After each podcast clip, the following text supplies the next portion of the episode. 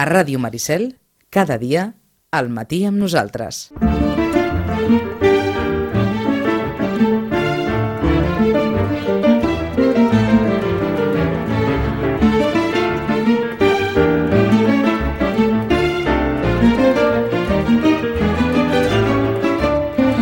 Ara que s'acosta aquell temps de, de tardes tan, tan curtes i que val la pena aprofitar allò quan, quan queda poca llum per posar-se a llegir, mal que mal, perquè al carrer tot és fosc i negre, doncs segurament val la pena proposar algunes, algunes lectures o com a mínim suggerir-ne unes, unes quantes a partir de bé, del criteri de la, de la Rosana Lluc. No sé si el darrer cop que havíem parlat amb la Rosana ja s'havia fallat el planeta o no. Ens sembla que no, però bé, a veure si ella en refresca una miqueta la memòria. Rosana, bon dia, bona hora. Hola, molt bon dia. S'havia fallat el planeta? A veure... Eh, Diria que no. Eh, és que es falla el dia 15 d'octubre. Doncs aleshores... Aleshores jo diria que no. No. Que estàvem, a la, que estàvem a les portes del cap de setmana del planeta. Exacte. Em sembla, eh? Mm, sí, sí. Bé, eh, el dia... La setmana que ve. La setmana que ve apareix el Premi Planeta, el dimarts que ve ja. No hi ha ningú més ràpid que planeta, no, eh? no hi ha ningú. La No hi, ha, no hi ha al planeta ningú més ràpid. doncs ja ho saps, el dimarts que ve ja els tindrem aquí sobre la taula, per tant, Mhm. eh, ara acaba, de, acaba de, de sortir el comercial de la llibreria dient recorda que el dimarts ja ve i tal, i res, no, no. Mhm. Res, m'ha portat un capítol perquè el llegís, mm, fa 10 minuts, no, no l'he pogut llegir, i bé, mm, sembla que sembla que la Jiménez Barlet doncs, ha fet una obra doncs, en la que doncs, una mica surt de tot, però vaja, Mhm. la propera dia en podrem parlar, perquè Sí. ja els haurem mirat. Eh? Només, És eh, només dic que la guanyadora és una d'aquelles novel·listes a les quals la Rosana ja recomanaria algun llibre o altre, eh? Sí, sí, sí, perquè si recordeu hi ha una sèrie en el que... Però és una sèrie policiaca, la veritat, Mhm. és que aquella sèrie policiaca on surten en Bevilacqua i la Chamorro són, mm, la veritat, és són unes novel·les molt entretingudes, eh? i, eh, perdona, mm, on te surt la Petra Delicado, Ah, exacte. me n'anava amb el siluet. Exacte, exacte. On te surt la Petra Delicado, És que ens les havia recomanat més d'una vegada, eh? Sí, sí, perquè són unes novel·les d'aquelles entretingudes, un paisatge conegut, és Barcelona, i per tant, doncs, eh, el lector de seguida s'identifica, no?, perquè, doncs, trobes que tot és com molt fàcil, no hi ha Mhm. noms estranys, no hi ha carrers estranys, no hi ha comissaris de policia amb noms estranys, i per tant, eh, de seguida t'identifiques, i, i són novel·les molt entretingudes per aquelles tardes de diumenge, saps allò que dius, oh, ara Ah. necessito una cosa que em distregui, eh, aquestes novel·les ho són. Doncs res a veure en aquest cas amb les novel·les de Petra Delicado, però Patricia Jiménez Barlet, guanyadora del Premi Planeta, nom de la novel·la, Ah, espera, no el recordo ara. L'hauria de buscar. no passa res, la busquem Sí. ben fàcilment, eh? Sí. Eh, tinc la portada, és que estic eh, sense ordinador, amb la qual cosa és difícil, perquè no, no me'n recordo, no. Doncs la busquem i en un moment el, Sí, els ho comentem, eh? Sí, tinc la... És que em van enviar la portada però amb el meu ordinador i no, no, ho, he, no, he, no he posat, la Vinga, veritat. te la diem, te la diem, guanyadora de la 64a edició del Premi Planeta de novel·la, I van canviar... i en uns moments dir-los, però, que sortirà el dimarts que ve, Sí. tant el, el guanyador com, com la finalista, i si l'ordinador s'espavila una miqueta, ho, ho direm. En qualsevol cas, eh, esperat amb expectació, eh? Sí, bueno, els Premis Planeta sempre tenen allò, no? Aquella cosa de dir, ostres, uh, a veure de què anirà aquesta vegada. I com que són, doncs, allò, doncs, eh, hi ha una persona, un homosexual, un, saps allò, hi ha un tema, doncs, d'un amor, mm, jo crec que també crida una mica la- l'atenció a veure cap on ha anat ara la Jiménez Barlet amb aquesta novel·la. No? Mhm. Crida Hombres desnudos. Exacte, hombres, jo sabia que anava d'hombres Hombres desnudos. desnudos. És que saps què passa? Ens, ens sortia més gairebé la novel·la del finalista, La isla de Alice, de Daniel Sánchez Arevalo, l'home d'azul oscuro casi negro, Sí. del cineasta Daniel Sánchez Arevalo, que ell mateix deia que això havia començat com un guió cinematogràfic fa 3 anys o 4 i un amic seu li va dir "Mm, deixa't estar que estàs eh, es- escrivint una novel·la i va seguir el consell de, del seu amic i al final i al final el seu amic va tenir raó Exacte, ara, eh, al final ha sor- ha sortit bé, no? al final ha sortit bé Sí, doncs sí, sí. tant ha un... molta expectació, la veritat, per veure si aquest autor, que és el que en, en el camp literari potser és menys conegut, a veure què, què passa amb totes dues novel·les. Doncs dimarts que ve, Hombres desnudos de Alicia Jiménez Barlet i La isla de Alice, de Daniel Sánchez Arevalo. Són les novetats més esperades de les que han de venir? Bé, eh, ahir va sortir una de les esperades, perquè ahir va sortir el d'Eduardo Mendoza, Mm? eh, que ja feia temps que ens tenia promesa una novel·la i al final doncs sí que ha sortit. Eh, saps que ha passat un, un any una mica dur, eh, com a, personalment, i ara doncs eh, ens treu El secreto de la modelo extraviada. I torna, torna aquell detectiu, aquell detectiu tan, que, que té molt poc de detectiu i molt de, de persona que, que se sap moure en els barris eh, més baixos de, de Barcelona i que ara en aquests moments aquell, aquell protagonista del misteri de la cripta, del laberinto o de, sobretot del, de l'aventura del tocador de senyores. Eh?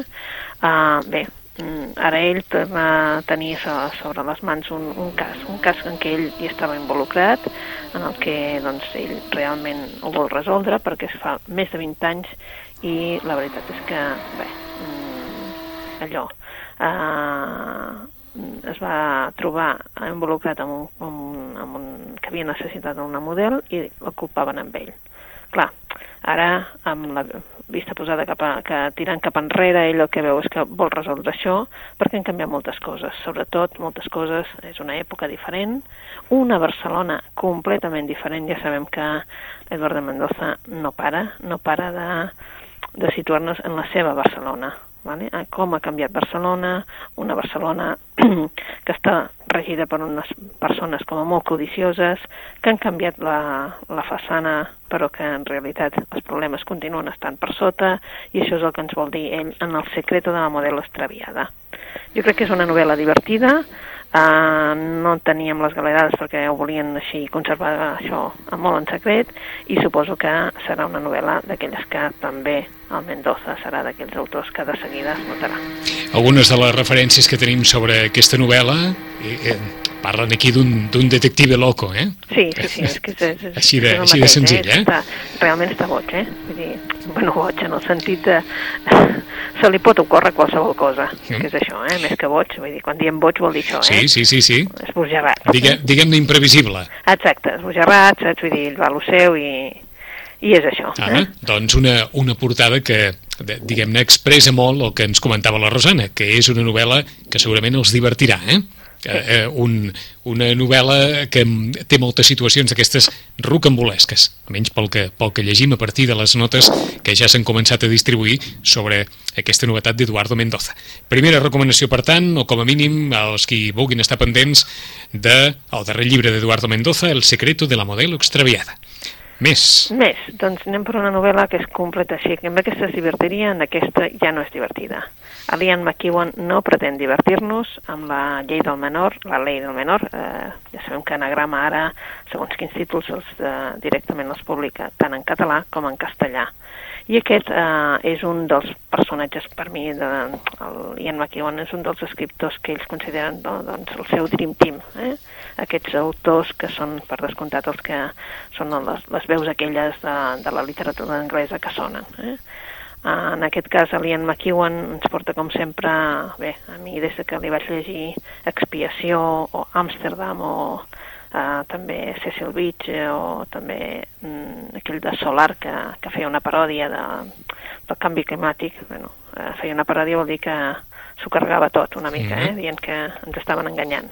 En aquest cas, l'Ian McEwan ens posa una novel·la que es diu La llei del menor i ens situa, ens situa amb un, una Anglaterra d'ara, diguéssim, una dona, una dona que, la Fei, que està ja a prop dels 60. Um, és una... Ella és jutge del Tribunal de, de Família Sí. i per tant és eh, del Tribunal Superior, és una persona especialitzada en, en el dret de família. I ara està passant un moment, doncs, diguem-ne, que, bé, la seva vida doncs, ja està començant, doncs, diguem-ne, ja es veu gran, el seu marit eh, és un professor universitari, un professor que doncs, ells han viscut bé fins ara, no hi ha cap queixa, però no han tingut fills i ara potser doncs, el seu marit resulta que li planteja un dilema i és que ell, abans de que tot s'acabi, vol tenir una aventura. Ha sortit amb una noia, una noia, evidentment, molt més jove, de la meitat de l'edat, per exemple, i la veritat és que, esclar, ell ja té 60 i, i, i clar, representa, la noia em sembla que representa que en té uns 28 i ell vol tenir aquesta aventura. I li planteja aquest amb la seva dona, li diu, bueno, és que jo vull això, uh, amb el tema de que doncs, quan un matrimoni quan porta molts anys ja quasi, quasi són com a germans. Ells van fer aquesta promesa quan eren joves uh -huh. I ara resulta que, doncs, que ell ho vol. Evidentment, ella és una anglesa, anglesa típica, eh, diguéssim, educada en un sentit estricte i no en vol ni sentir parlar i veu com el seu marit marxa. Eh? A la mateixa vegada li apareix en el seu, en el seu a la seva taula uh -huh. un cas. Encara et anava a dir, Rosana, encara gràcies que el marit diguem-ne, té la franquesa per... Sí, per dir-ho, sí, sí. Per bueno, eh? De fet, eh, bueno, és allò, no? Anat a, de moment diu que no ha tingut cap aventura, no, no sabem pas, però vaja, ah, en realitat doncs li planteja, vull dir, diu, escolta, podem viure igual, uh -huh. va, la dona, això de viure igual és una mica difícil, no? Has de ser molt obert de, de mentalitat, no? Uh -huh. No ho és, eh, ella sí que es considera, com a jutge, es considera molt bona, però en canvi, per lo personal, doncs, tan oberta potser no ho és. D'acord, o sigui que per una banda tenim aquesta eh, jutgessa, drama aquest drama personal amb, amb el seu marit que vol fer una sí. aventura. Però més que drama, és, és una cosa com ja, saps, mm, es planteja, punt, ja està. D'acord. I ella doncs, eh, vol passar a un altre assumpte també, eh? Uh mhm. -huh. I aquest assumpte és l'assumpte realment eh, que ens porta al títol, la llei del menor. Clar, eh, li apareix un cas d'un nano, eh? un nano de només 17 anys que, bé, que hi ha un problema. Aquest nano eh, eh, és l'Adam. L'Adam és un jove doncs, eh, molt dotat per les arts, molt dotat eh, eh, molt sensible, però alhora també és una persona com molt intel·ligent i ara resulta que està malalt. Està malalt de leucèmia i, és clar, els seus pares són testimonis de Jehovà. I ell, abraçant-se també a aquesta fe, no vol, no accepta que li facin una transfusió. Una transfusió que els metges diuen que li salvaria la vida. Uh -huh. Clar, mm, so, és qüestió de dos dies, o té com a màxim, saps allò, dos dies per decidir-ho, i és clar, per ella seria el més fàcil de dir doncs, que ho decideixi serveis socials o ho decideixi un altre, perquè això a mi ara... Però és clar, potser en aquest moment és el moment que ella té pitjor, però en canvi alhora eh, s'agafa amb això i vol conèixer a l'Adam, una cosa que, saps, vol conèixer el per què, sí. eh, i per tant aquí el que tenim són els dilemes, no? El dilema de la fe amb el dilema de la justícia. Perquè hem de contraposar doncs, la justícia a la fe, perquè la fe pot fer que algú doncs, eh, no, arribem a aquest punt de dir mm, morirà si no, uh -huh. si, no, si no li fan la transfusió. I és clar, el que es fa doncs, doncs, també una conversa amb ells, perquè ell el vol conèixer, i per tant veiem aquestes disquisicions morals no, en el llibre. És un llibre que te'l llegeixes d'una tirada. És un llibre curtet, i la veritat és que te'l llegeixes perquè no és gens malgrat que hi ha tot això, el Liam McEwan el que vol és posar sobre la taula fins a quin punt doncs, eh, la fe i la justícia de vegades es contraposen. D'acord. O sigui que la fe hi veurà com el seu marit marxa, però ella viurà una aventura vital... Sí, mm. en aquest cas, no? Eh, potent, eh? Potent, sí, perquè està acostumada, està acostumada a haver de decidir si els nens eh, els han de canviar per qüestions de religió en una uh -huh. escola o una altra, és a dir, estem vivint en un moment ja, doncs, en una Anglaterra eh, diguéssim, en el que doncs, eh, hi ha moltes religions, no uh -huh. només la seva, sinó n'hi ha moltes de religions, en Anglaterra en el que hi ha molta migració també i per tant doncs, s'ha doncs, d'acceptar la cultura de cadascú, però a més a més ara resulta que un cas com aquest, que ella potser en un altre moment haguera dit sagrat, punt, doncs vol saber molt més. Uh -huh. Mm? doncs, aquest equilibri entre la fe i la justícia, a partir d'un cas, no direm que, que molts puguin conèixer, però tothom, tothom sap quina és la, la convicció dels testimonis de Jehovà a l'entorn de les transfusions de sang o a l'entorn d'aquests assumptes, i per tant, diguem-ne, hi ha un punt de partida que més o menys eh, tothom coneix, encara que no sigui profundament, però té un punt de partida on agafar-se, la història de la FAI que té al seu davant un noi de 17 anys eh, dotat i sensible per les arts, malalt de leucèmia, que ha de decidir en poc temps, en, en dos dies, si veritablement se n'absté de determinat tractament mèdic per poder-se salvar per mort de precisament una convicció religiosa, i a veure ella quin paper hi fa. El llibre, La llei del menor, en català també, Rosana? Sí, sí, en català, sí. la llei del menor i la llei del menor, també tots dos eh, publicats per anagrama. Ah, doncs aquí va, una, aquí va un llibre amb molta càrrega de reflexió, eh? Sí, sí, sí, però molt fàcil de llegir, no?, i alhora, doncs, les coses no? Són com molt meridianes. Sí, sí. Bueno, eh, ell vol tenir una aventura, doncs agafa i se'n va. Vull dir, saps allò... No hi ha, no hi ha, no hi ha discussió. Gaire discussió. No hi ha discussió. No hi ha discussió. Eh? Per on seguim? Seguim, mm, em sembla que no, perquè sortia el dia 15, jo diria que no n'hem parlat d'aquest llibre, mm, Jonathan Franzen. No. No, no n'hem parlat, és un llibre, veus, si aquell dèiem se'ns fa molt curt, aquest no és que se'ns faci llarg, però és que té 700 pàgines. Eh? La pureza del Jonathan Franzen era una novel·la molt esperada, era una, la gran novel·la de, del Jonathan Franzen després de Llibertat, i ara ha arribat a les llibreries. Amb aquest pureza, eh, puresa en català, o sigui, està editat en castellà i en català, eh, i els de català sí que a sota han posat Purity, o sigui, el nom amb, amb, amb l'original, eh? eh? que és el nom de la protagonista. D'acord.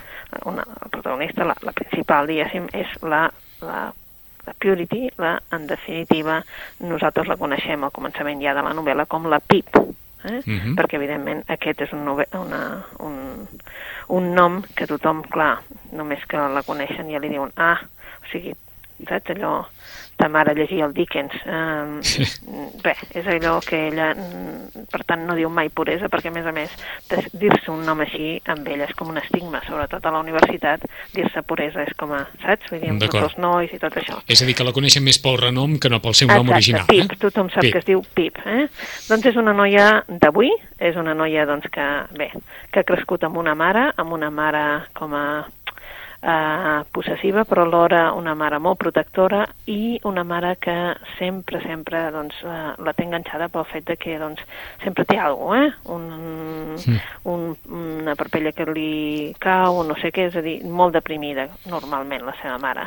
Ella ara ha marxat, ha marxat a treballar fora i la Pip el que farà després d'estudiar i de marxar fora a treballar, doncs fer una mica la seva, però sense oblidar la seva mare que té aquesta càrrega mm, perquè, clar, l'ha criada amb ella sola i no li ha dit mai qui és el seu pare. Mhm. Es va canviar el nom i, per tant, la Pip no sap mai i va a la recerca, en tota la novel·la, sempre ella anirà a la recerca del seu pare qui és realment el seu pare o d'una figura paterna perquè no n'hi ha hagut mai a la seva vida. Bé, la Pip comença la novel·la amb, doncs, que està treballant amb un treball de porqueria, un treball que sap que la, la faran fora, que mm, no té res a fer, que viu en una casa d'ocupes, de fet l'ocupa principal és el propietari però li ha tret la casa i per tant ell està allí d'ocupa amb la seva dona i eh, dos ocupes més, és a dir, una noia que té una feina però no en té prou per pagar perquè està pagant encara a la universitat. Per tant, molt real, molt d'avui en Ahà. dia i alhora també doncs, eh, Jonathan Franzen el que fa és posar-nos diferents personatges, l'altre és l'Andreas Wolf, un, un activista alemany que doncs, els seus pares doncs, estaven molt relacionats amb la- l'Alemanya, diguem-ne, abans del mur, i, clar, eh, abans que caigués el mur, i llavors eh, l'Andreas és un, una persona que sempre anirà contra això, anirà contra el govern, i ara ha muntat un projecte, Sunlight Project. La Purity coneix, la Pip coneix amb una noia, l'Angrid, que li farà entrar en aquest projecte del Sunlight. Alhora veurem altres personatges que, en definitiva, el que ens està mostrant és un mosaic del que avui en dia és la societat. Per això necessita 700 pàgines per eh, entrella- enllaçar-nos Ahà. totes aquestes vides eh, fent, la veritat és que com una espècie de, això que dèiem, un mosaic, un, un puzzle, per al final doncs, encaixar-ho tot. Eh? Uh, una novel·la uh, impressionant, jo no sé si ells diuen que és la millor novel·la de, del Jonathan Franzen. A mi Libertat em va agradar tant que potser quan acabi, que encara no l'he Sí. acabada, us diré, potser sí que aquesta és millor. De moment, saps allò, estàs una mica així, en, però sí que la veritat és que passes planes i planes i planes i planes llegint aquest Puresa, Puresa del Jonathan Franzen. Eh, pregunta, però, una radiografia de la societat més anglosaxona o que val per tot? No, tota, perquè com que, saps, se'n va cap aquí, se'n va cap a... se'n va cap a... Ara, mm, el Llibertat només era nord-americana, eh, perquè era tot, tot Nord-Amèrica. Aquesta no. Aquesta ens agafa, ve cap aquí, ens posa tot el que va suposar doncs, els moviments per a, en contra de, del, de la, dels alemanys quan tenien encara el mur, Sí. què va passar quan va caure el mur, és a dir, se'ns veu també reflexats tota una societat post-comunista. Vaja, Sí, una cosa, saps? Vull dir que Sí, sí. Refle vol reflexar-ho tot, perquè el Jonathan Franzen eh, viu a Europa i, per tant, vol ara doncs, també reflexar, vol sentir-se també Mhm. protagonista d'aquesta Europa. interessant també un nord-americà que viu a Europa, eh? Sí, sí, sí, sí és, és interessant, per, però sí. per, per tant, aquest, aquest trasbals de cultural també també ajuda, de ben segur, a la novel·la. Pureza, Puresa, és la novel·la de Jonathan Franzen, 700 pàgines, però amb, amb un contingut, vaja, tot el que hem llegit, tot el que, tot el que estem veient ara a través de les crítiques a, a, les, a les xarxes, als portals d'internet eh, sobre llibres, etc, la deixen una mica més amunt que, que dels núvols. Sí, encara, sí, eh? sí, la veritat és que, vull dir, aconseguir escriure 700 pàgines i que tu, no?, i que a més a més hi ha moments en què rius perquè és clar, les situacions en una casa no, d'ocupes, etc també poden ser divertides, veure els personatges o sigui, se n'ocupa absolutament de tot i alhora t'està dient doncs que això, no? que per pagar-se la carrera un nord-americà normal necessita no sé quants anys després saps, per tornar aquest crèdit. Ahà. Clar, mm, T'està fent crítica social sense fer-ne. eh? Mirin, mirin com comença, que el llibre comença així, dilluns, Sí, i su... vaja, estem escoltant la veu de la mare. sí. Ai, rateta, m'alegro tant de sentir-te la veu, va dir la mare de la noia per telèfon. El cos em torna a fallar, el que ens comentava Sí. la Rosana. A vegades penso que la meva vida no és més que un llarg procés de traïció corporal. I li contesta la filla, que no és justament això la vida de tothom. Un llarg procés de traïció corporal. Sí. Així comença, eh? són les quatre primeres línies de, de puresa que marquen això, un, un, un dia de la, de la setmana i eh, la conversa, una de les moltes converses que pot tenir la Pip amb la seva mare, amb aquesta mare possessiva que la cuidada sense, mm, sense Sí, però que sempre, saps allò, és aquell tenir-la enganxada perquè sempre té alguna cosa. Ah, exacte. sempre saps allò, eh? Aquella, eh? Eh. Tenir-la enganxada amb ella de, de que, bé, de que ella ja s'està fent gran, de que ella, saps? Vull dir, clar, evidentment la Pip no viu amb ella ara i això també, saps? I la, I la conversa és així mateix, eh? Sí, sí, sí. Em, em cau la parpella esquerra, va explicar la mare. És com si hi tingués un pes que l'estira cap avall, com el plom d'un pescador o alguna cosa així. Mm. Ara mateix, va i ve, no sé si podria ser la paràlisi de Bel. I la filla diu, sigui el que sigui la paràlisi de Bel, estic segura que tu no la tens. Sí. Així comença aquest, per això et aquest dic, puresa, eh? Tens unes situacions en què comences a riure, però esclar, aquesta senyora s'inventa qualsevol cosa, o sigui, té un mal d'estómac i ja li sembla que té, doncs, eh, saps? Més que hipocondria, que és una manera... I la, filla, I la filla li contesta així, eh? Sí, sí, sí. Eh, eh, si no saps què és rateta, com, com en pots estar tan segura? I ella diu, no ho sé, potser perquè va resultar que no tenies la malaltia de Grave, ni, ni hipertiroidisme, ni cap melanoma, així li contesta la filla quan veu que la mare torna a fer servir l'argument de sempre per tenir-la a prop. Així comença Purity, de Jonathan Franzen, recomanació absoluta de la, de la Rosana. Tenim temps per una més, Rosana. Bueno, doncs, eh, pels que ens agraden també els còmics, no podem dir que és que ha sortit el nou Astèrix. L'Astèrix i Sí. el papir del César, eh, bé, resulta que ara, clar, no és ni del Goscini ni de l'Uderzo. O sigui, sí que no hi ha ningú, els dibuixos són del Didier Conrad i el text del Janif Ferri. Una vegada més ens passa com ens va passar, si te'n recordes fa un mes, amb el, amb el Millennium, eh? que continuàvem amb el Millennium sense Mhm. que hi hagués l'autor. Ara, en aquest cas, doncs, el text és de- d'un altre autor, Janif Ferri, i els dibuixos són del Didier Conrad. Abans et, nota la abans, diferència? abans et pregunto si es continua venent molt l'Astèrix. Sí, Sí. sí. Jo crec que aquest Eh? Aquest ara el que passarà, doncs com tot, no? Jo crec que sí, eh? l'últim ja, ja va passar, i aquest el que passarà, suposo que hi ha aquesta curiositat per saber si realment eh, doncs es continuen les, eh, les històries de, de l'Astèrix, de debò, no? Com sempre, vull dir, hi ha un papir, vull dir, com sempre, aquest, saps allò de estar amb bojos Sí. aquests romans, és estar amb bojos aquest romans, Sí, sí. Però vols dir si veritablement hi ha l'esperit de Goscinny i Uderzo en aquesta, vaja, en aquests estèrics del segle XXI? Sí, sí que hi és. Sí que hi és. Jo suposo que els que, clar, si és llegint molts astèrics, no, ja, ja veus, saps? Vull dir, ja estàs buscant el que estàs buscant, no? I sí, eh? El que passa que, clar, sempre se'ns fan curs els astèrics, eh? Sempre se'ns fan curs, sempre acabem amb allò, no? Uh, menjant tots i celebrant-ho tot, però, esclar, mm, sempre se'n fan una mica curt. El papir del César serà també un dels llibres, doncs, també, doncs, públic adult. Això sí, es continua venent, sí, però som sempre els adults, eh, els que compren el, el César. Hi ha eh, els joves, mm, potser hi ha... M'he trobat aquesta setmana diversos joves que és que no no n'havien ni sentit a parlar. I No? Mare de Déu, Mai? mai. Vull dir que llegeixen altres coses, està clar, eh? Perquè no, no han Però, sentit a parlar de però és a dir, encara que llegeixin altres coses, segurament... Sí, per poder veure-ho, no? Diu, Sí. no, no, és que no, no n'he llegit mai. O segurament entre molts de nosaltres és allò de dir uh, potser qui era de Tintín no era d'Astèrix o, Sí, o però, etcètera, bueno, però, no? però, bueno, però, però, però, però però sabies en el sentit de saber. Sí, eh? sí, com aquells que a vegades eren, eren de Serrat i no eren de Llac, o eren de Llac i no eren de Serrat, però no? Anava tan llac com Serrat. Exacte. Eh? Vull dir, Eh?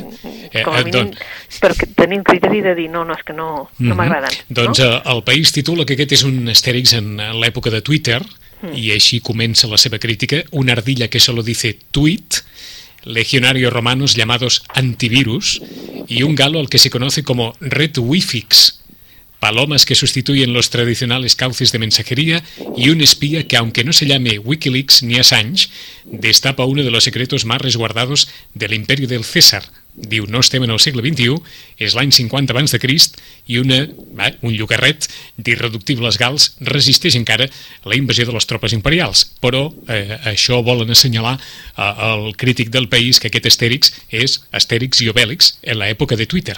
Sí. I per tant hi ha mol moltes, vaja, moltes connexions. Moltes, sí, amb- suposo que amb- saps allò, saps els, de, aquelles cosetes que dius, bueno, eh? que et fan clocar de sul. D'acord, però creus més que definitivament això ja és un, un còmic per a aquells que ja havien llegit eh, Astèrix, per als adults que, que llegeixen Astèrix i no tant per les generacions més joves?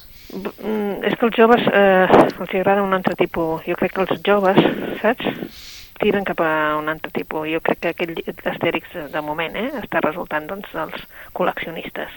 Col·leccionistes en el sentit de dir som de Tintín o som d'Astèrix, no? Mhm. I llavors et fa gràcia tenir-lo perquè tens tots els Astèrix, no? El que sents a la gent és, és que els tinc tots. Vull dir, el vull perquè els tinc tots. D'acord. Llavors també és això. Perquè el, els, els antics es venen, Sí, Rosana? sí, sí. sí, És a dir, qui, continuen vu venent, qui sí. vulgui els Astèrix clàssics els pot trobar, eh? Els pot trobar, sí, sí, i són tots, eh? I són tots, tota la col·lecció hi és, i vull dir, això sí que ho conserven, i fins i tot han fet alguna provatura de fer-ne, saps allò, aquells de les pel·lícules, també, Ahà. però aquells, la veritat és que no tenen tant interès. D'acord. Els que interessen són els de, del Bocini i l'Uderso. En el cas de Tintín també es poden trobar tots? Tots. Sí. Sí, sí, sí, estan tots a la llibreria, tots, jo diria que totes les llibreries. El que sí que és curiós, ens hem trobat una cosa molt curiosa, els que són tintinòfils, és que segons quin país no els hi agraden. No? És curiós, eh? Segons, segons quin país no agrada Tintín? No, perquè saps, és el típic que quan vas a un altre país et diuen ai, compra'm un tintín d'allà. Eh? Escrit amb el- Sí, la amb la- que amb sigui, l'edició d'allà, sí. Exacte. Doncs, segons quin país, costa de trobar, saps? Costa de trobar, aquí vas a qualsevol llibreria i tenen tintins. No, potser no els tindran tots, però tenen tintins, no? Mhm. I en canvi, en segons quins països costa de trobar, saps? Em deia la meva germana, és que costa de trobar a Grècia un tintín. És que és curiós, no? Però bueno, clar. Aquí, eh, aquí tant en català com en castellà, no. Rosana? Aquí tant en català com en castellà hi són tots, sí, sí, sí. Mhm.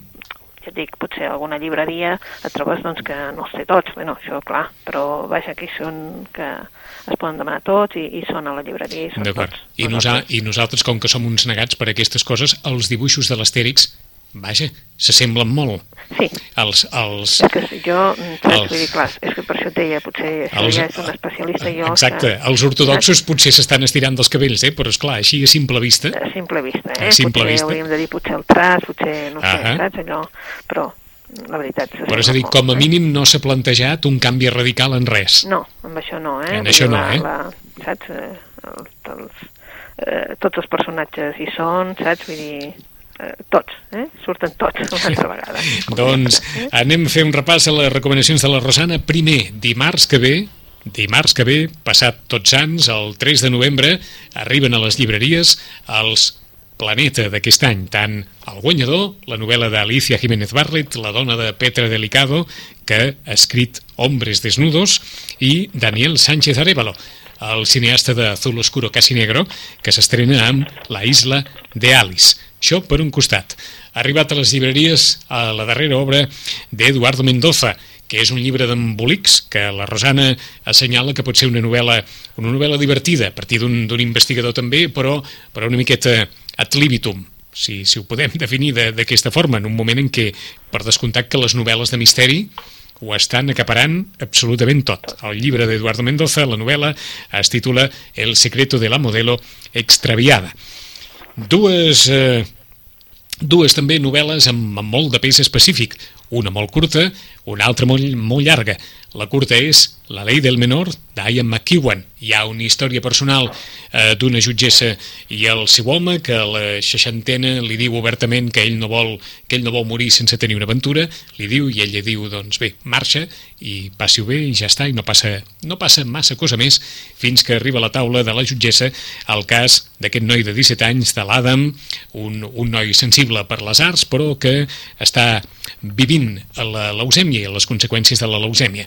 Els seus pares són testimonis de Jehovà, ell també és testimoni de Jehovà, i sobre la taula hi ha, doncs bé, un, un d'aquells un d'aquells esculls importants, ètic, moral, tot allò que vulguin, a, a l'entorn de la conciliació entre les conviccions de la fe i la justícia, entre la fe i la justícia, aquesta balança tan difícil d'equilibrar o en alguns casos impossible d'equilibrar que viu la eh, FAI, la jutge del tribunal, en aquest cas que, que es dedica a assumptes de, de menors. La novel·la és La llei del menor, d'Ian McEwan, tant en català com en castellà. Una novel·lassa, així ens ho ha definit la Rosana, Pureza, puresa de Jonathan Franzen, una radiografia social a partir de la història de la Pip, una noia d'avui, filla d'una mare possessiva i protectora, però ella vol fer la seva vida, i la seva vida és una vida, és una vida dura, una vida d'universitària que s'ha de pagar la matrícula, però que gairebé malviu en una casa d'ocupes. Coneixerà molta gent, la novel·la és llarga, a la novel·la hi passen moltes coses, i en radiografia moltes altres, moltes altres del món que estem vivint. Diuen els crítics que és una obra absolutament sensacional, Pureza, de Jonathan Franzen. I finalment, doncs, Temps de lleure, o per col·leccionistes, Astèrix i el papir del César, guionista Genif Ferri, dibuixant Didier Conrad. Són els successors de l'esperit de Goscini i Uderzo que tantes bones hores ens va fer passar. En 15 dies tornarem amb el temps dels llibres, amb el repàs a les novetats literàries amb la Rosana Lluc. Rosana, bona lectura. Bona lectura amb vosaltres.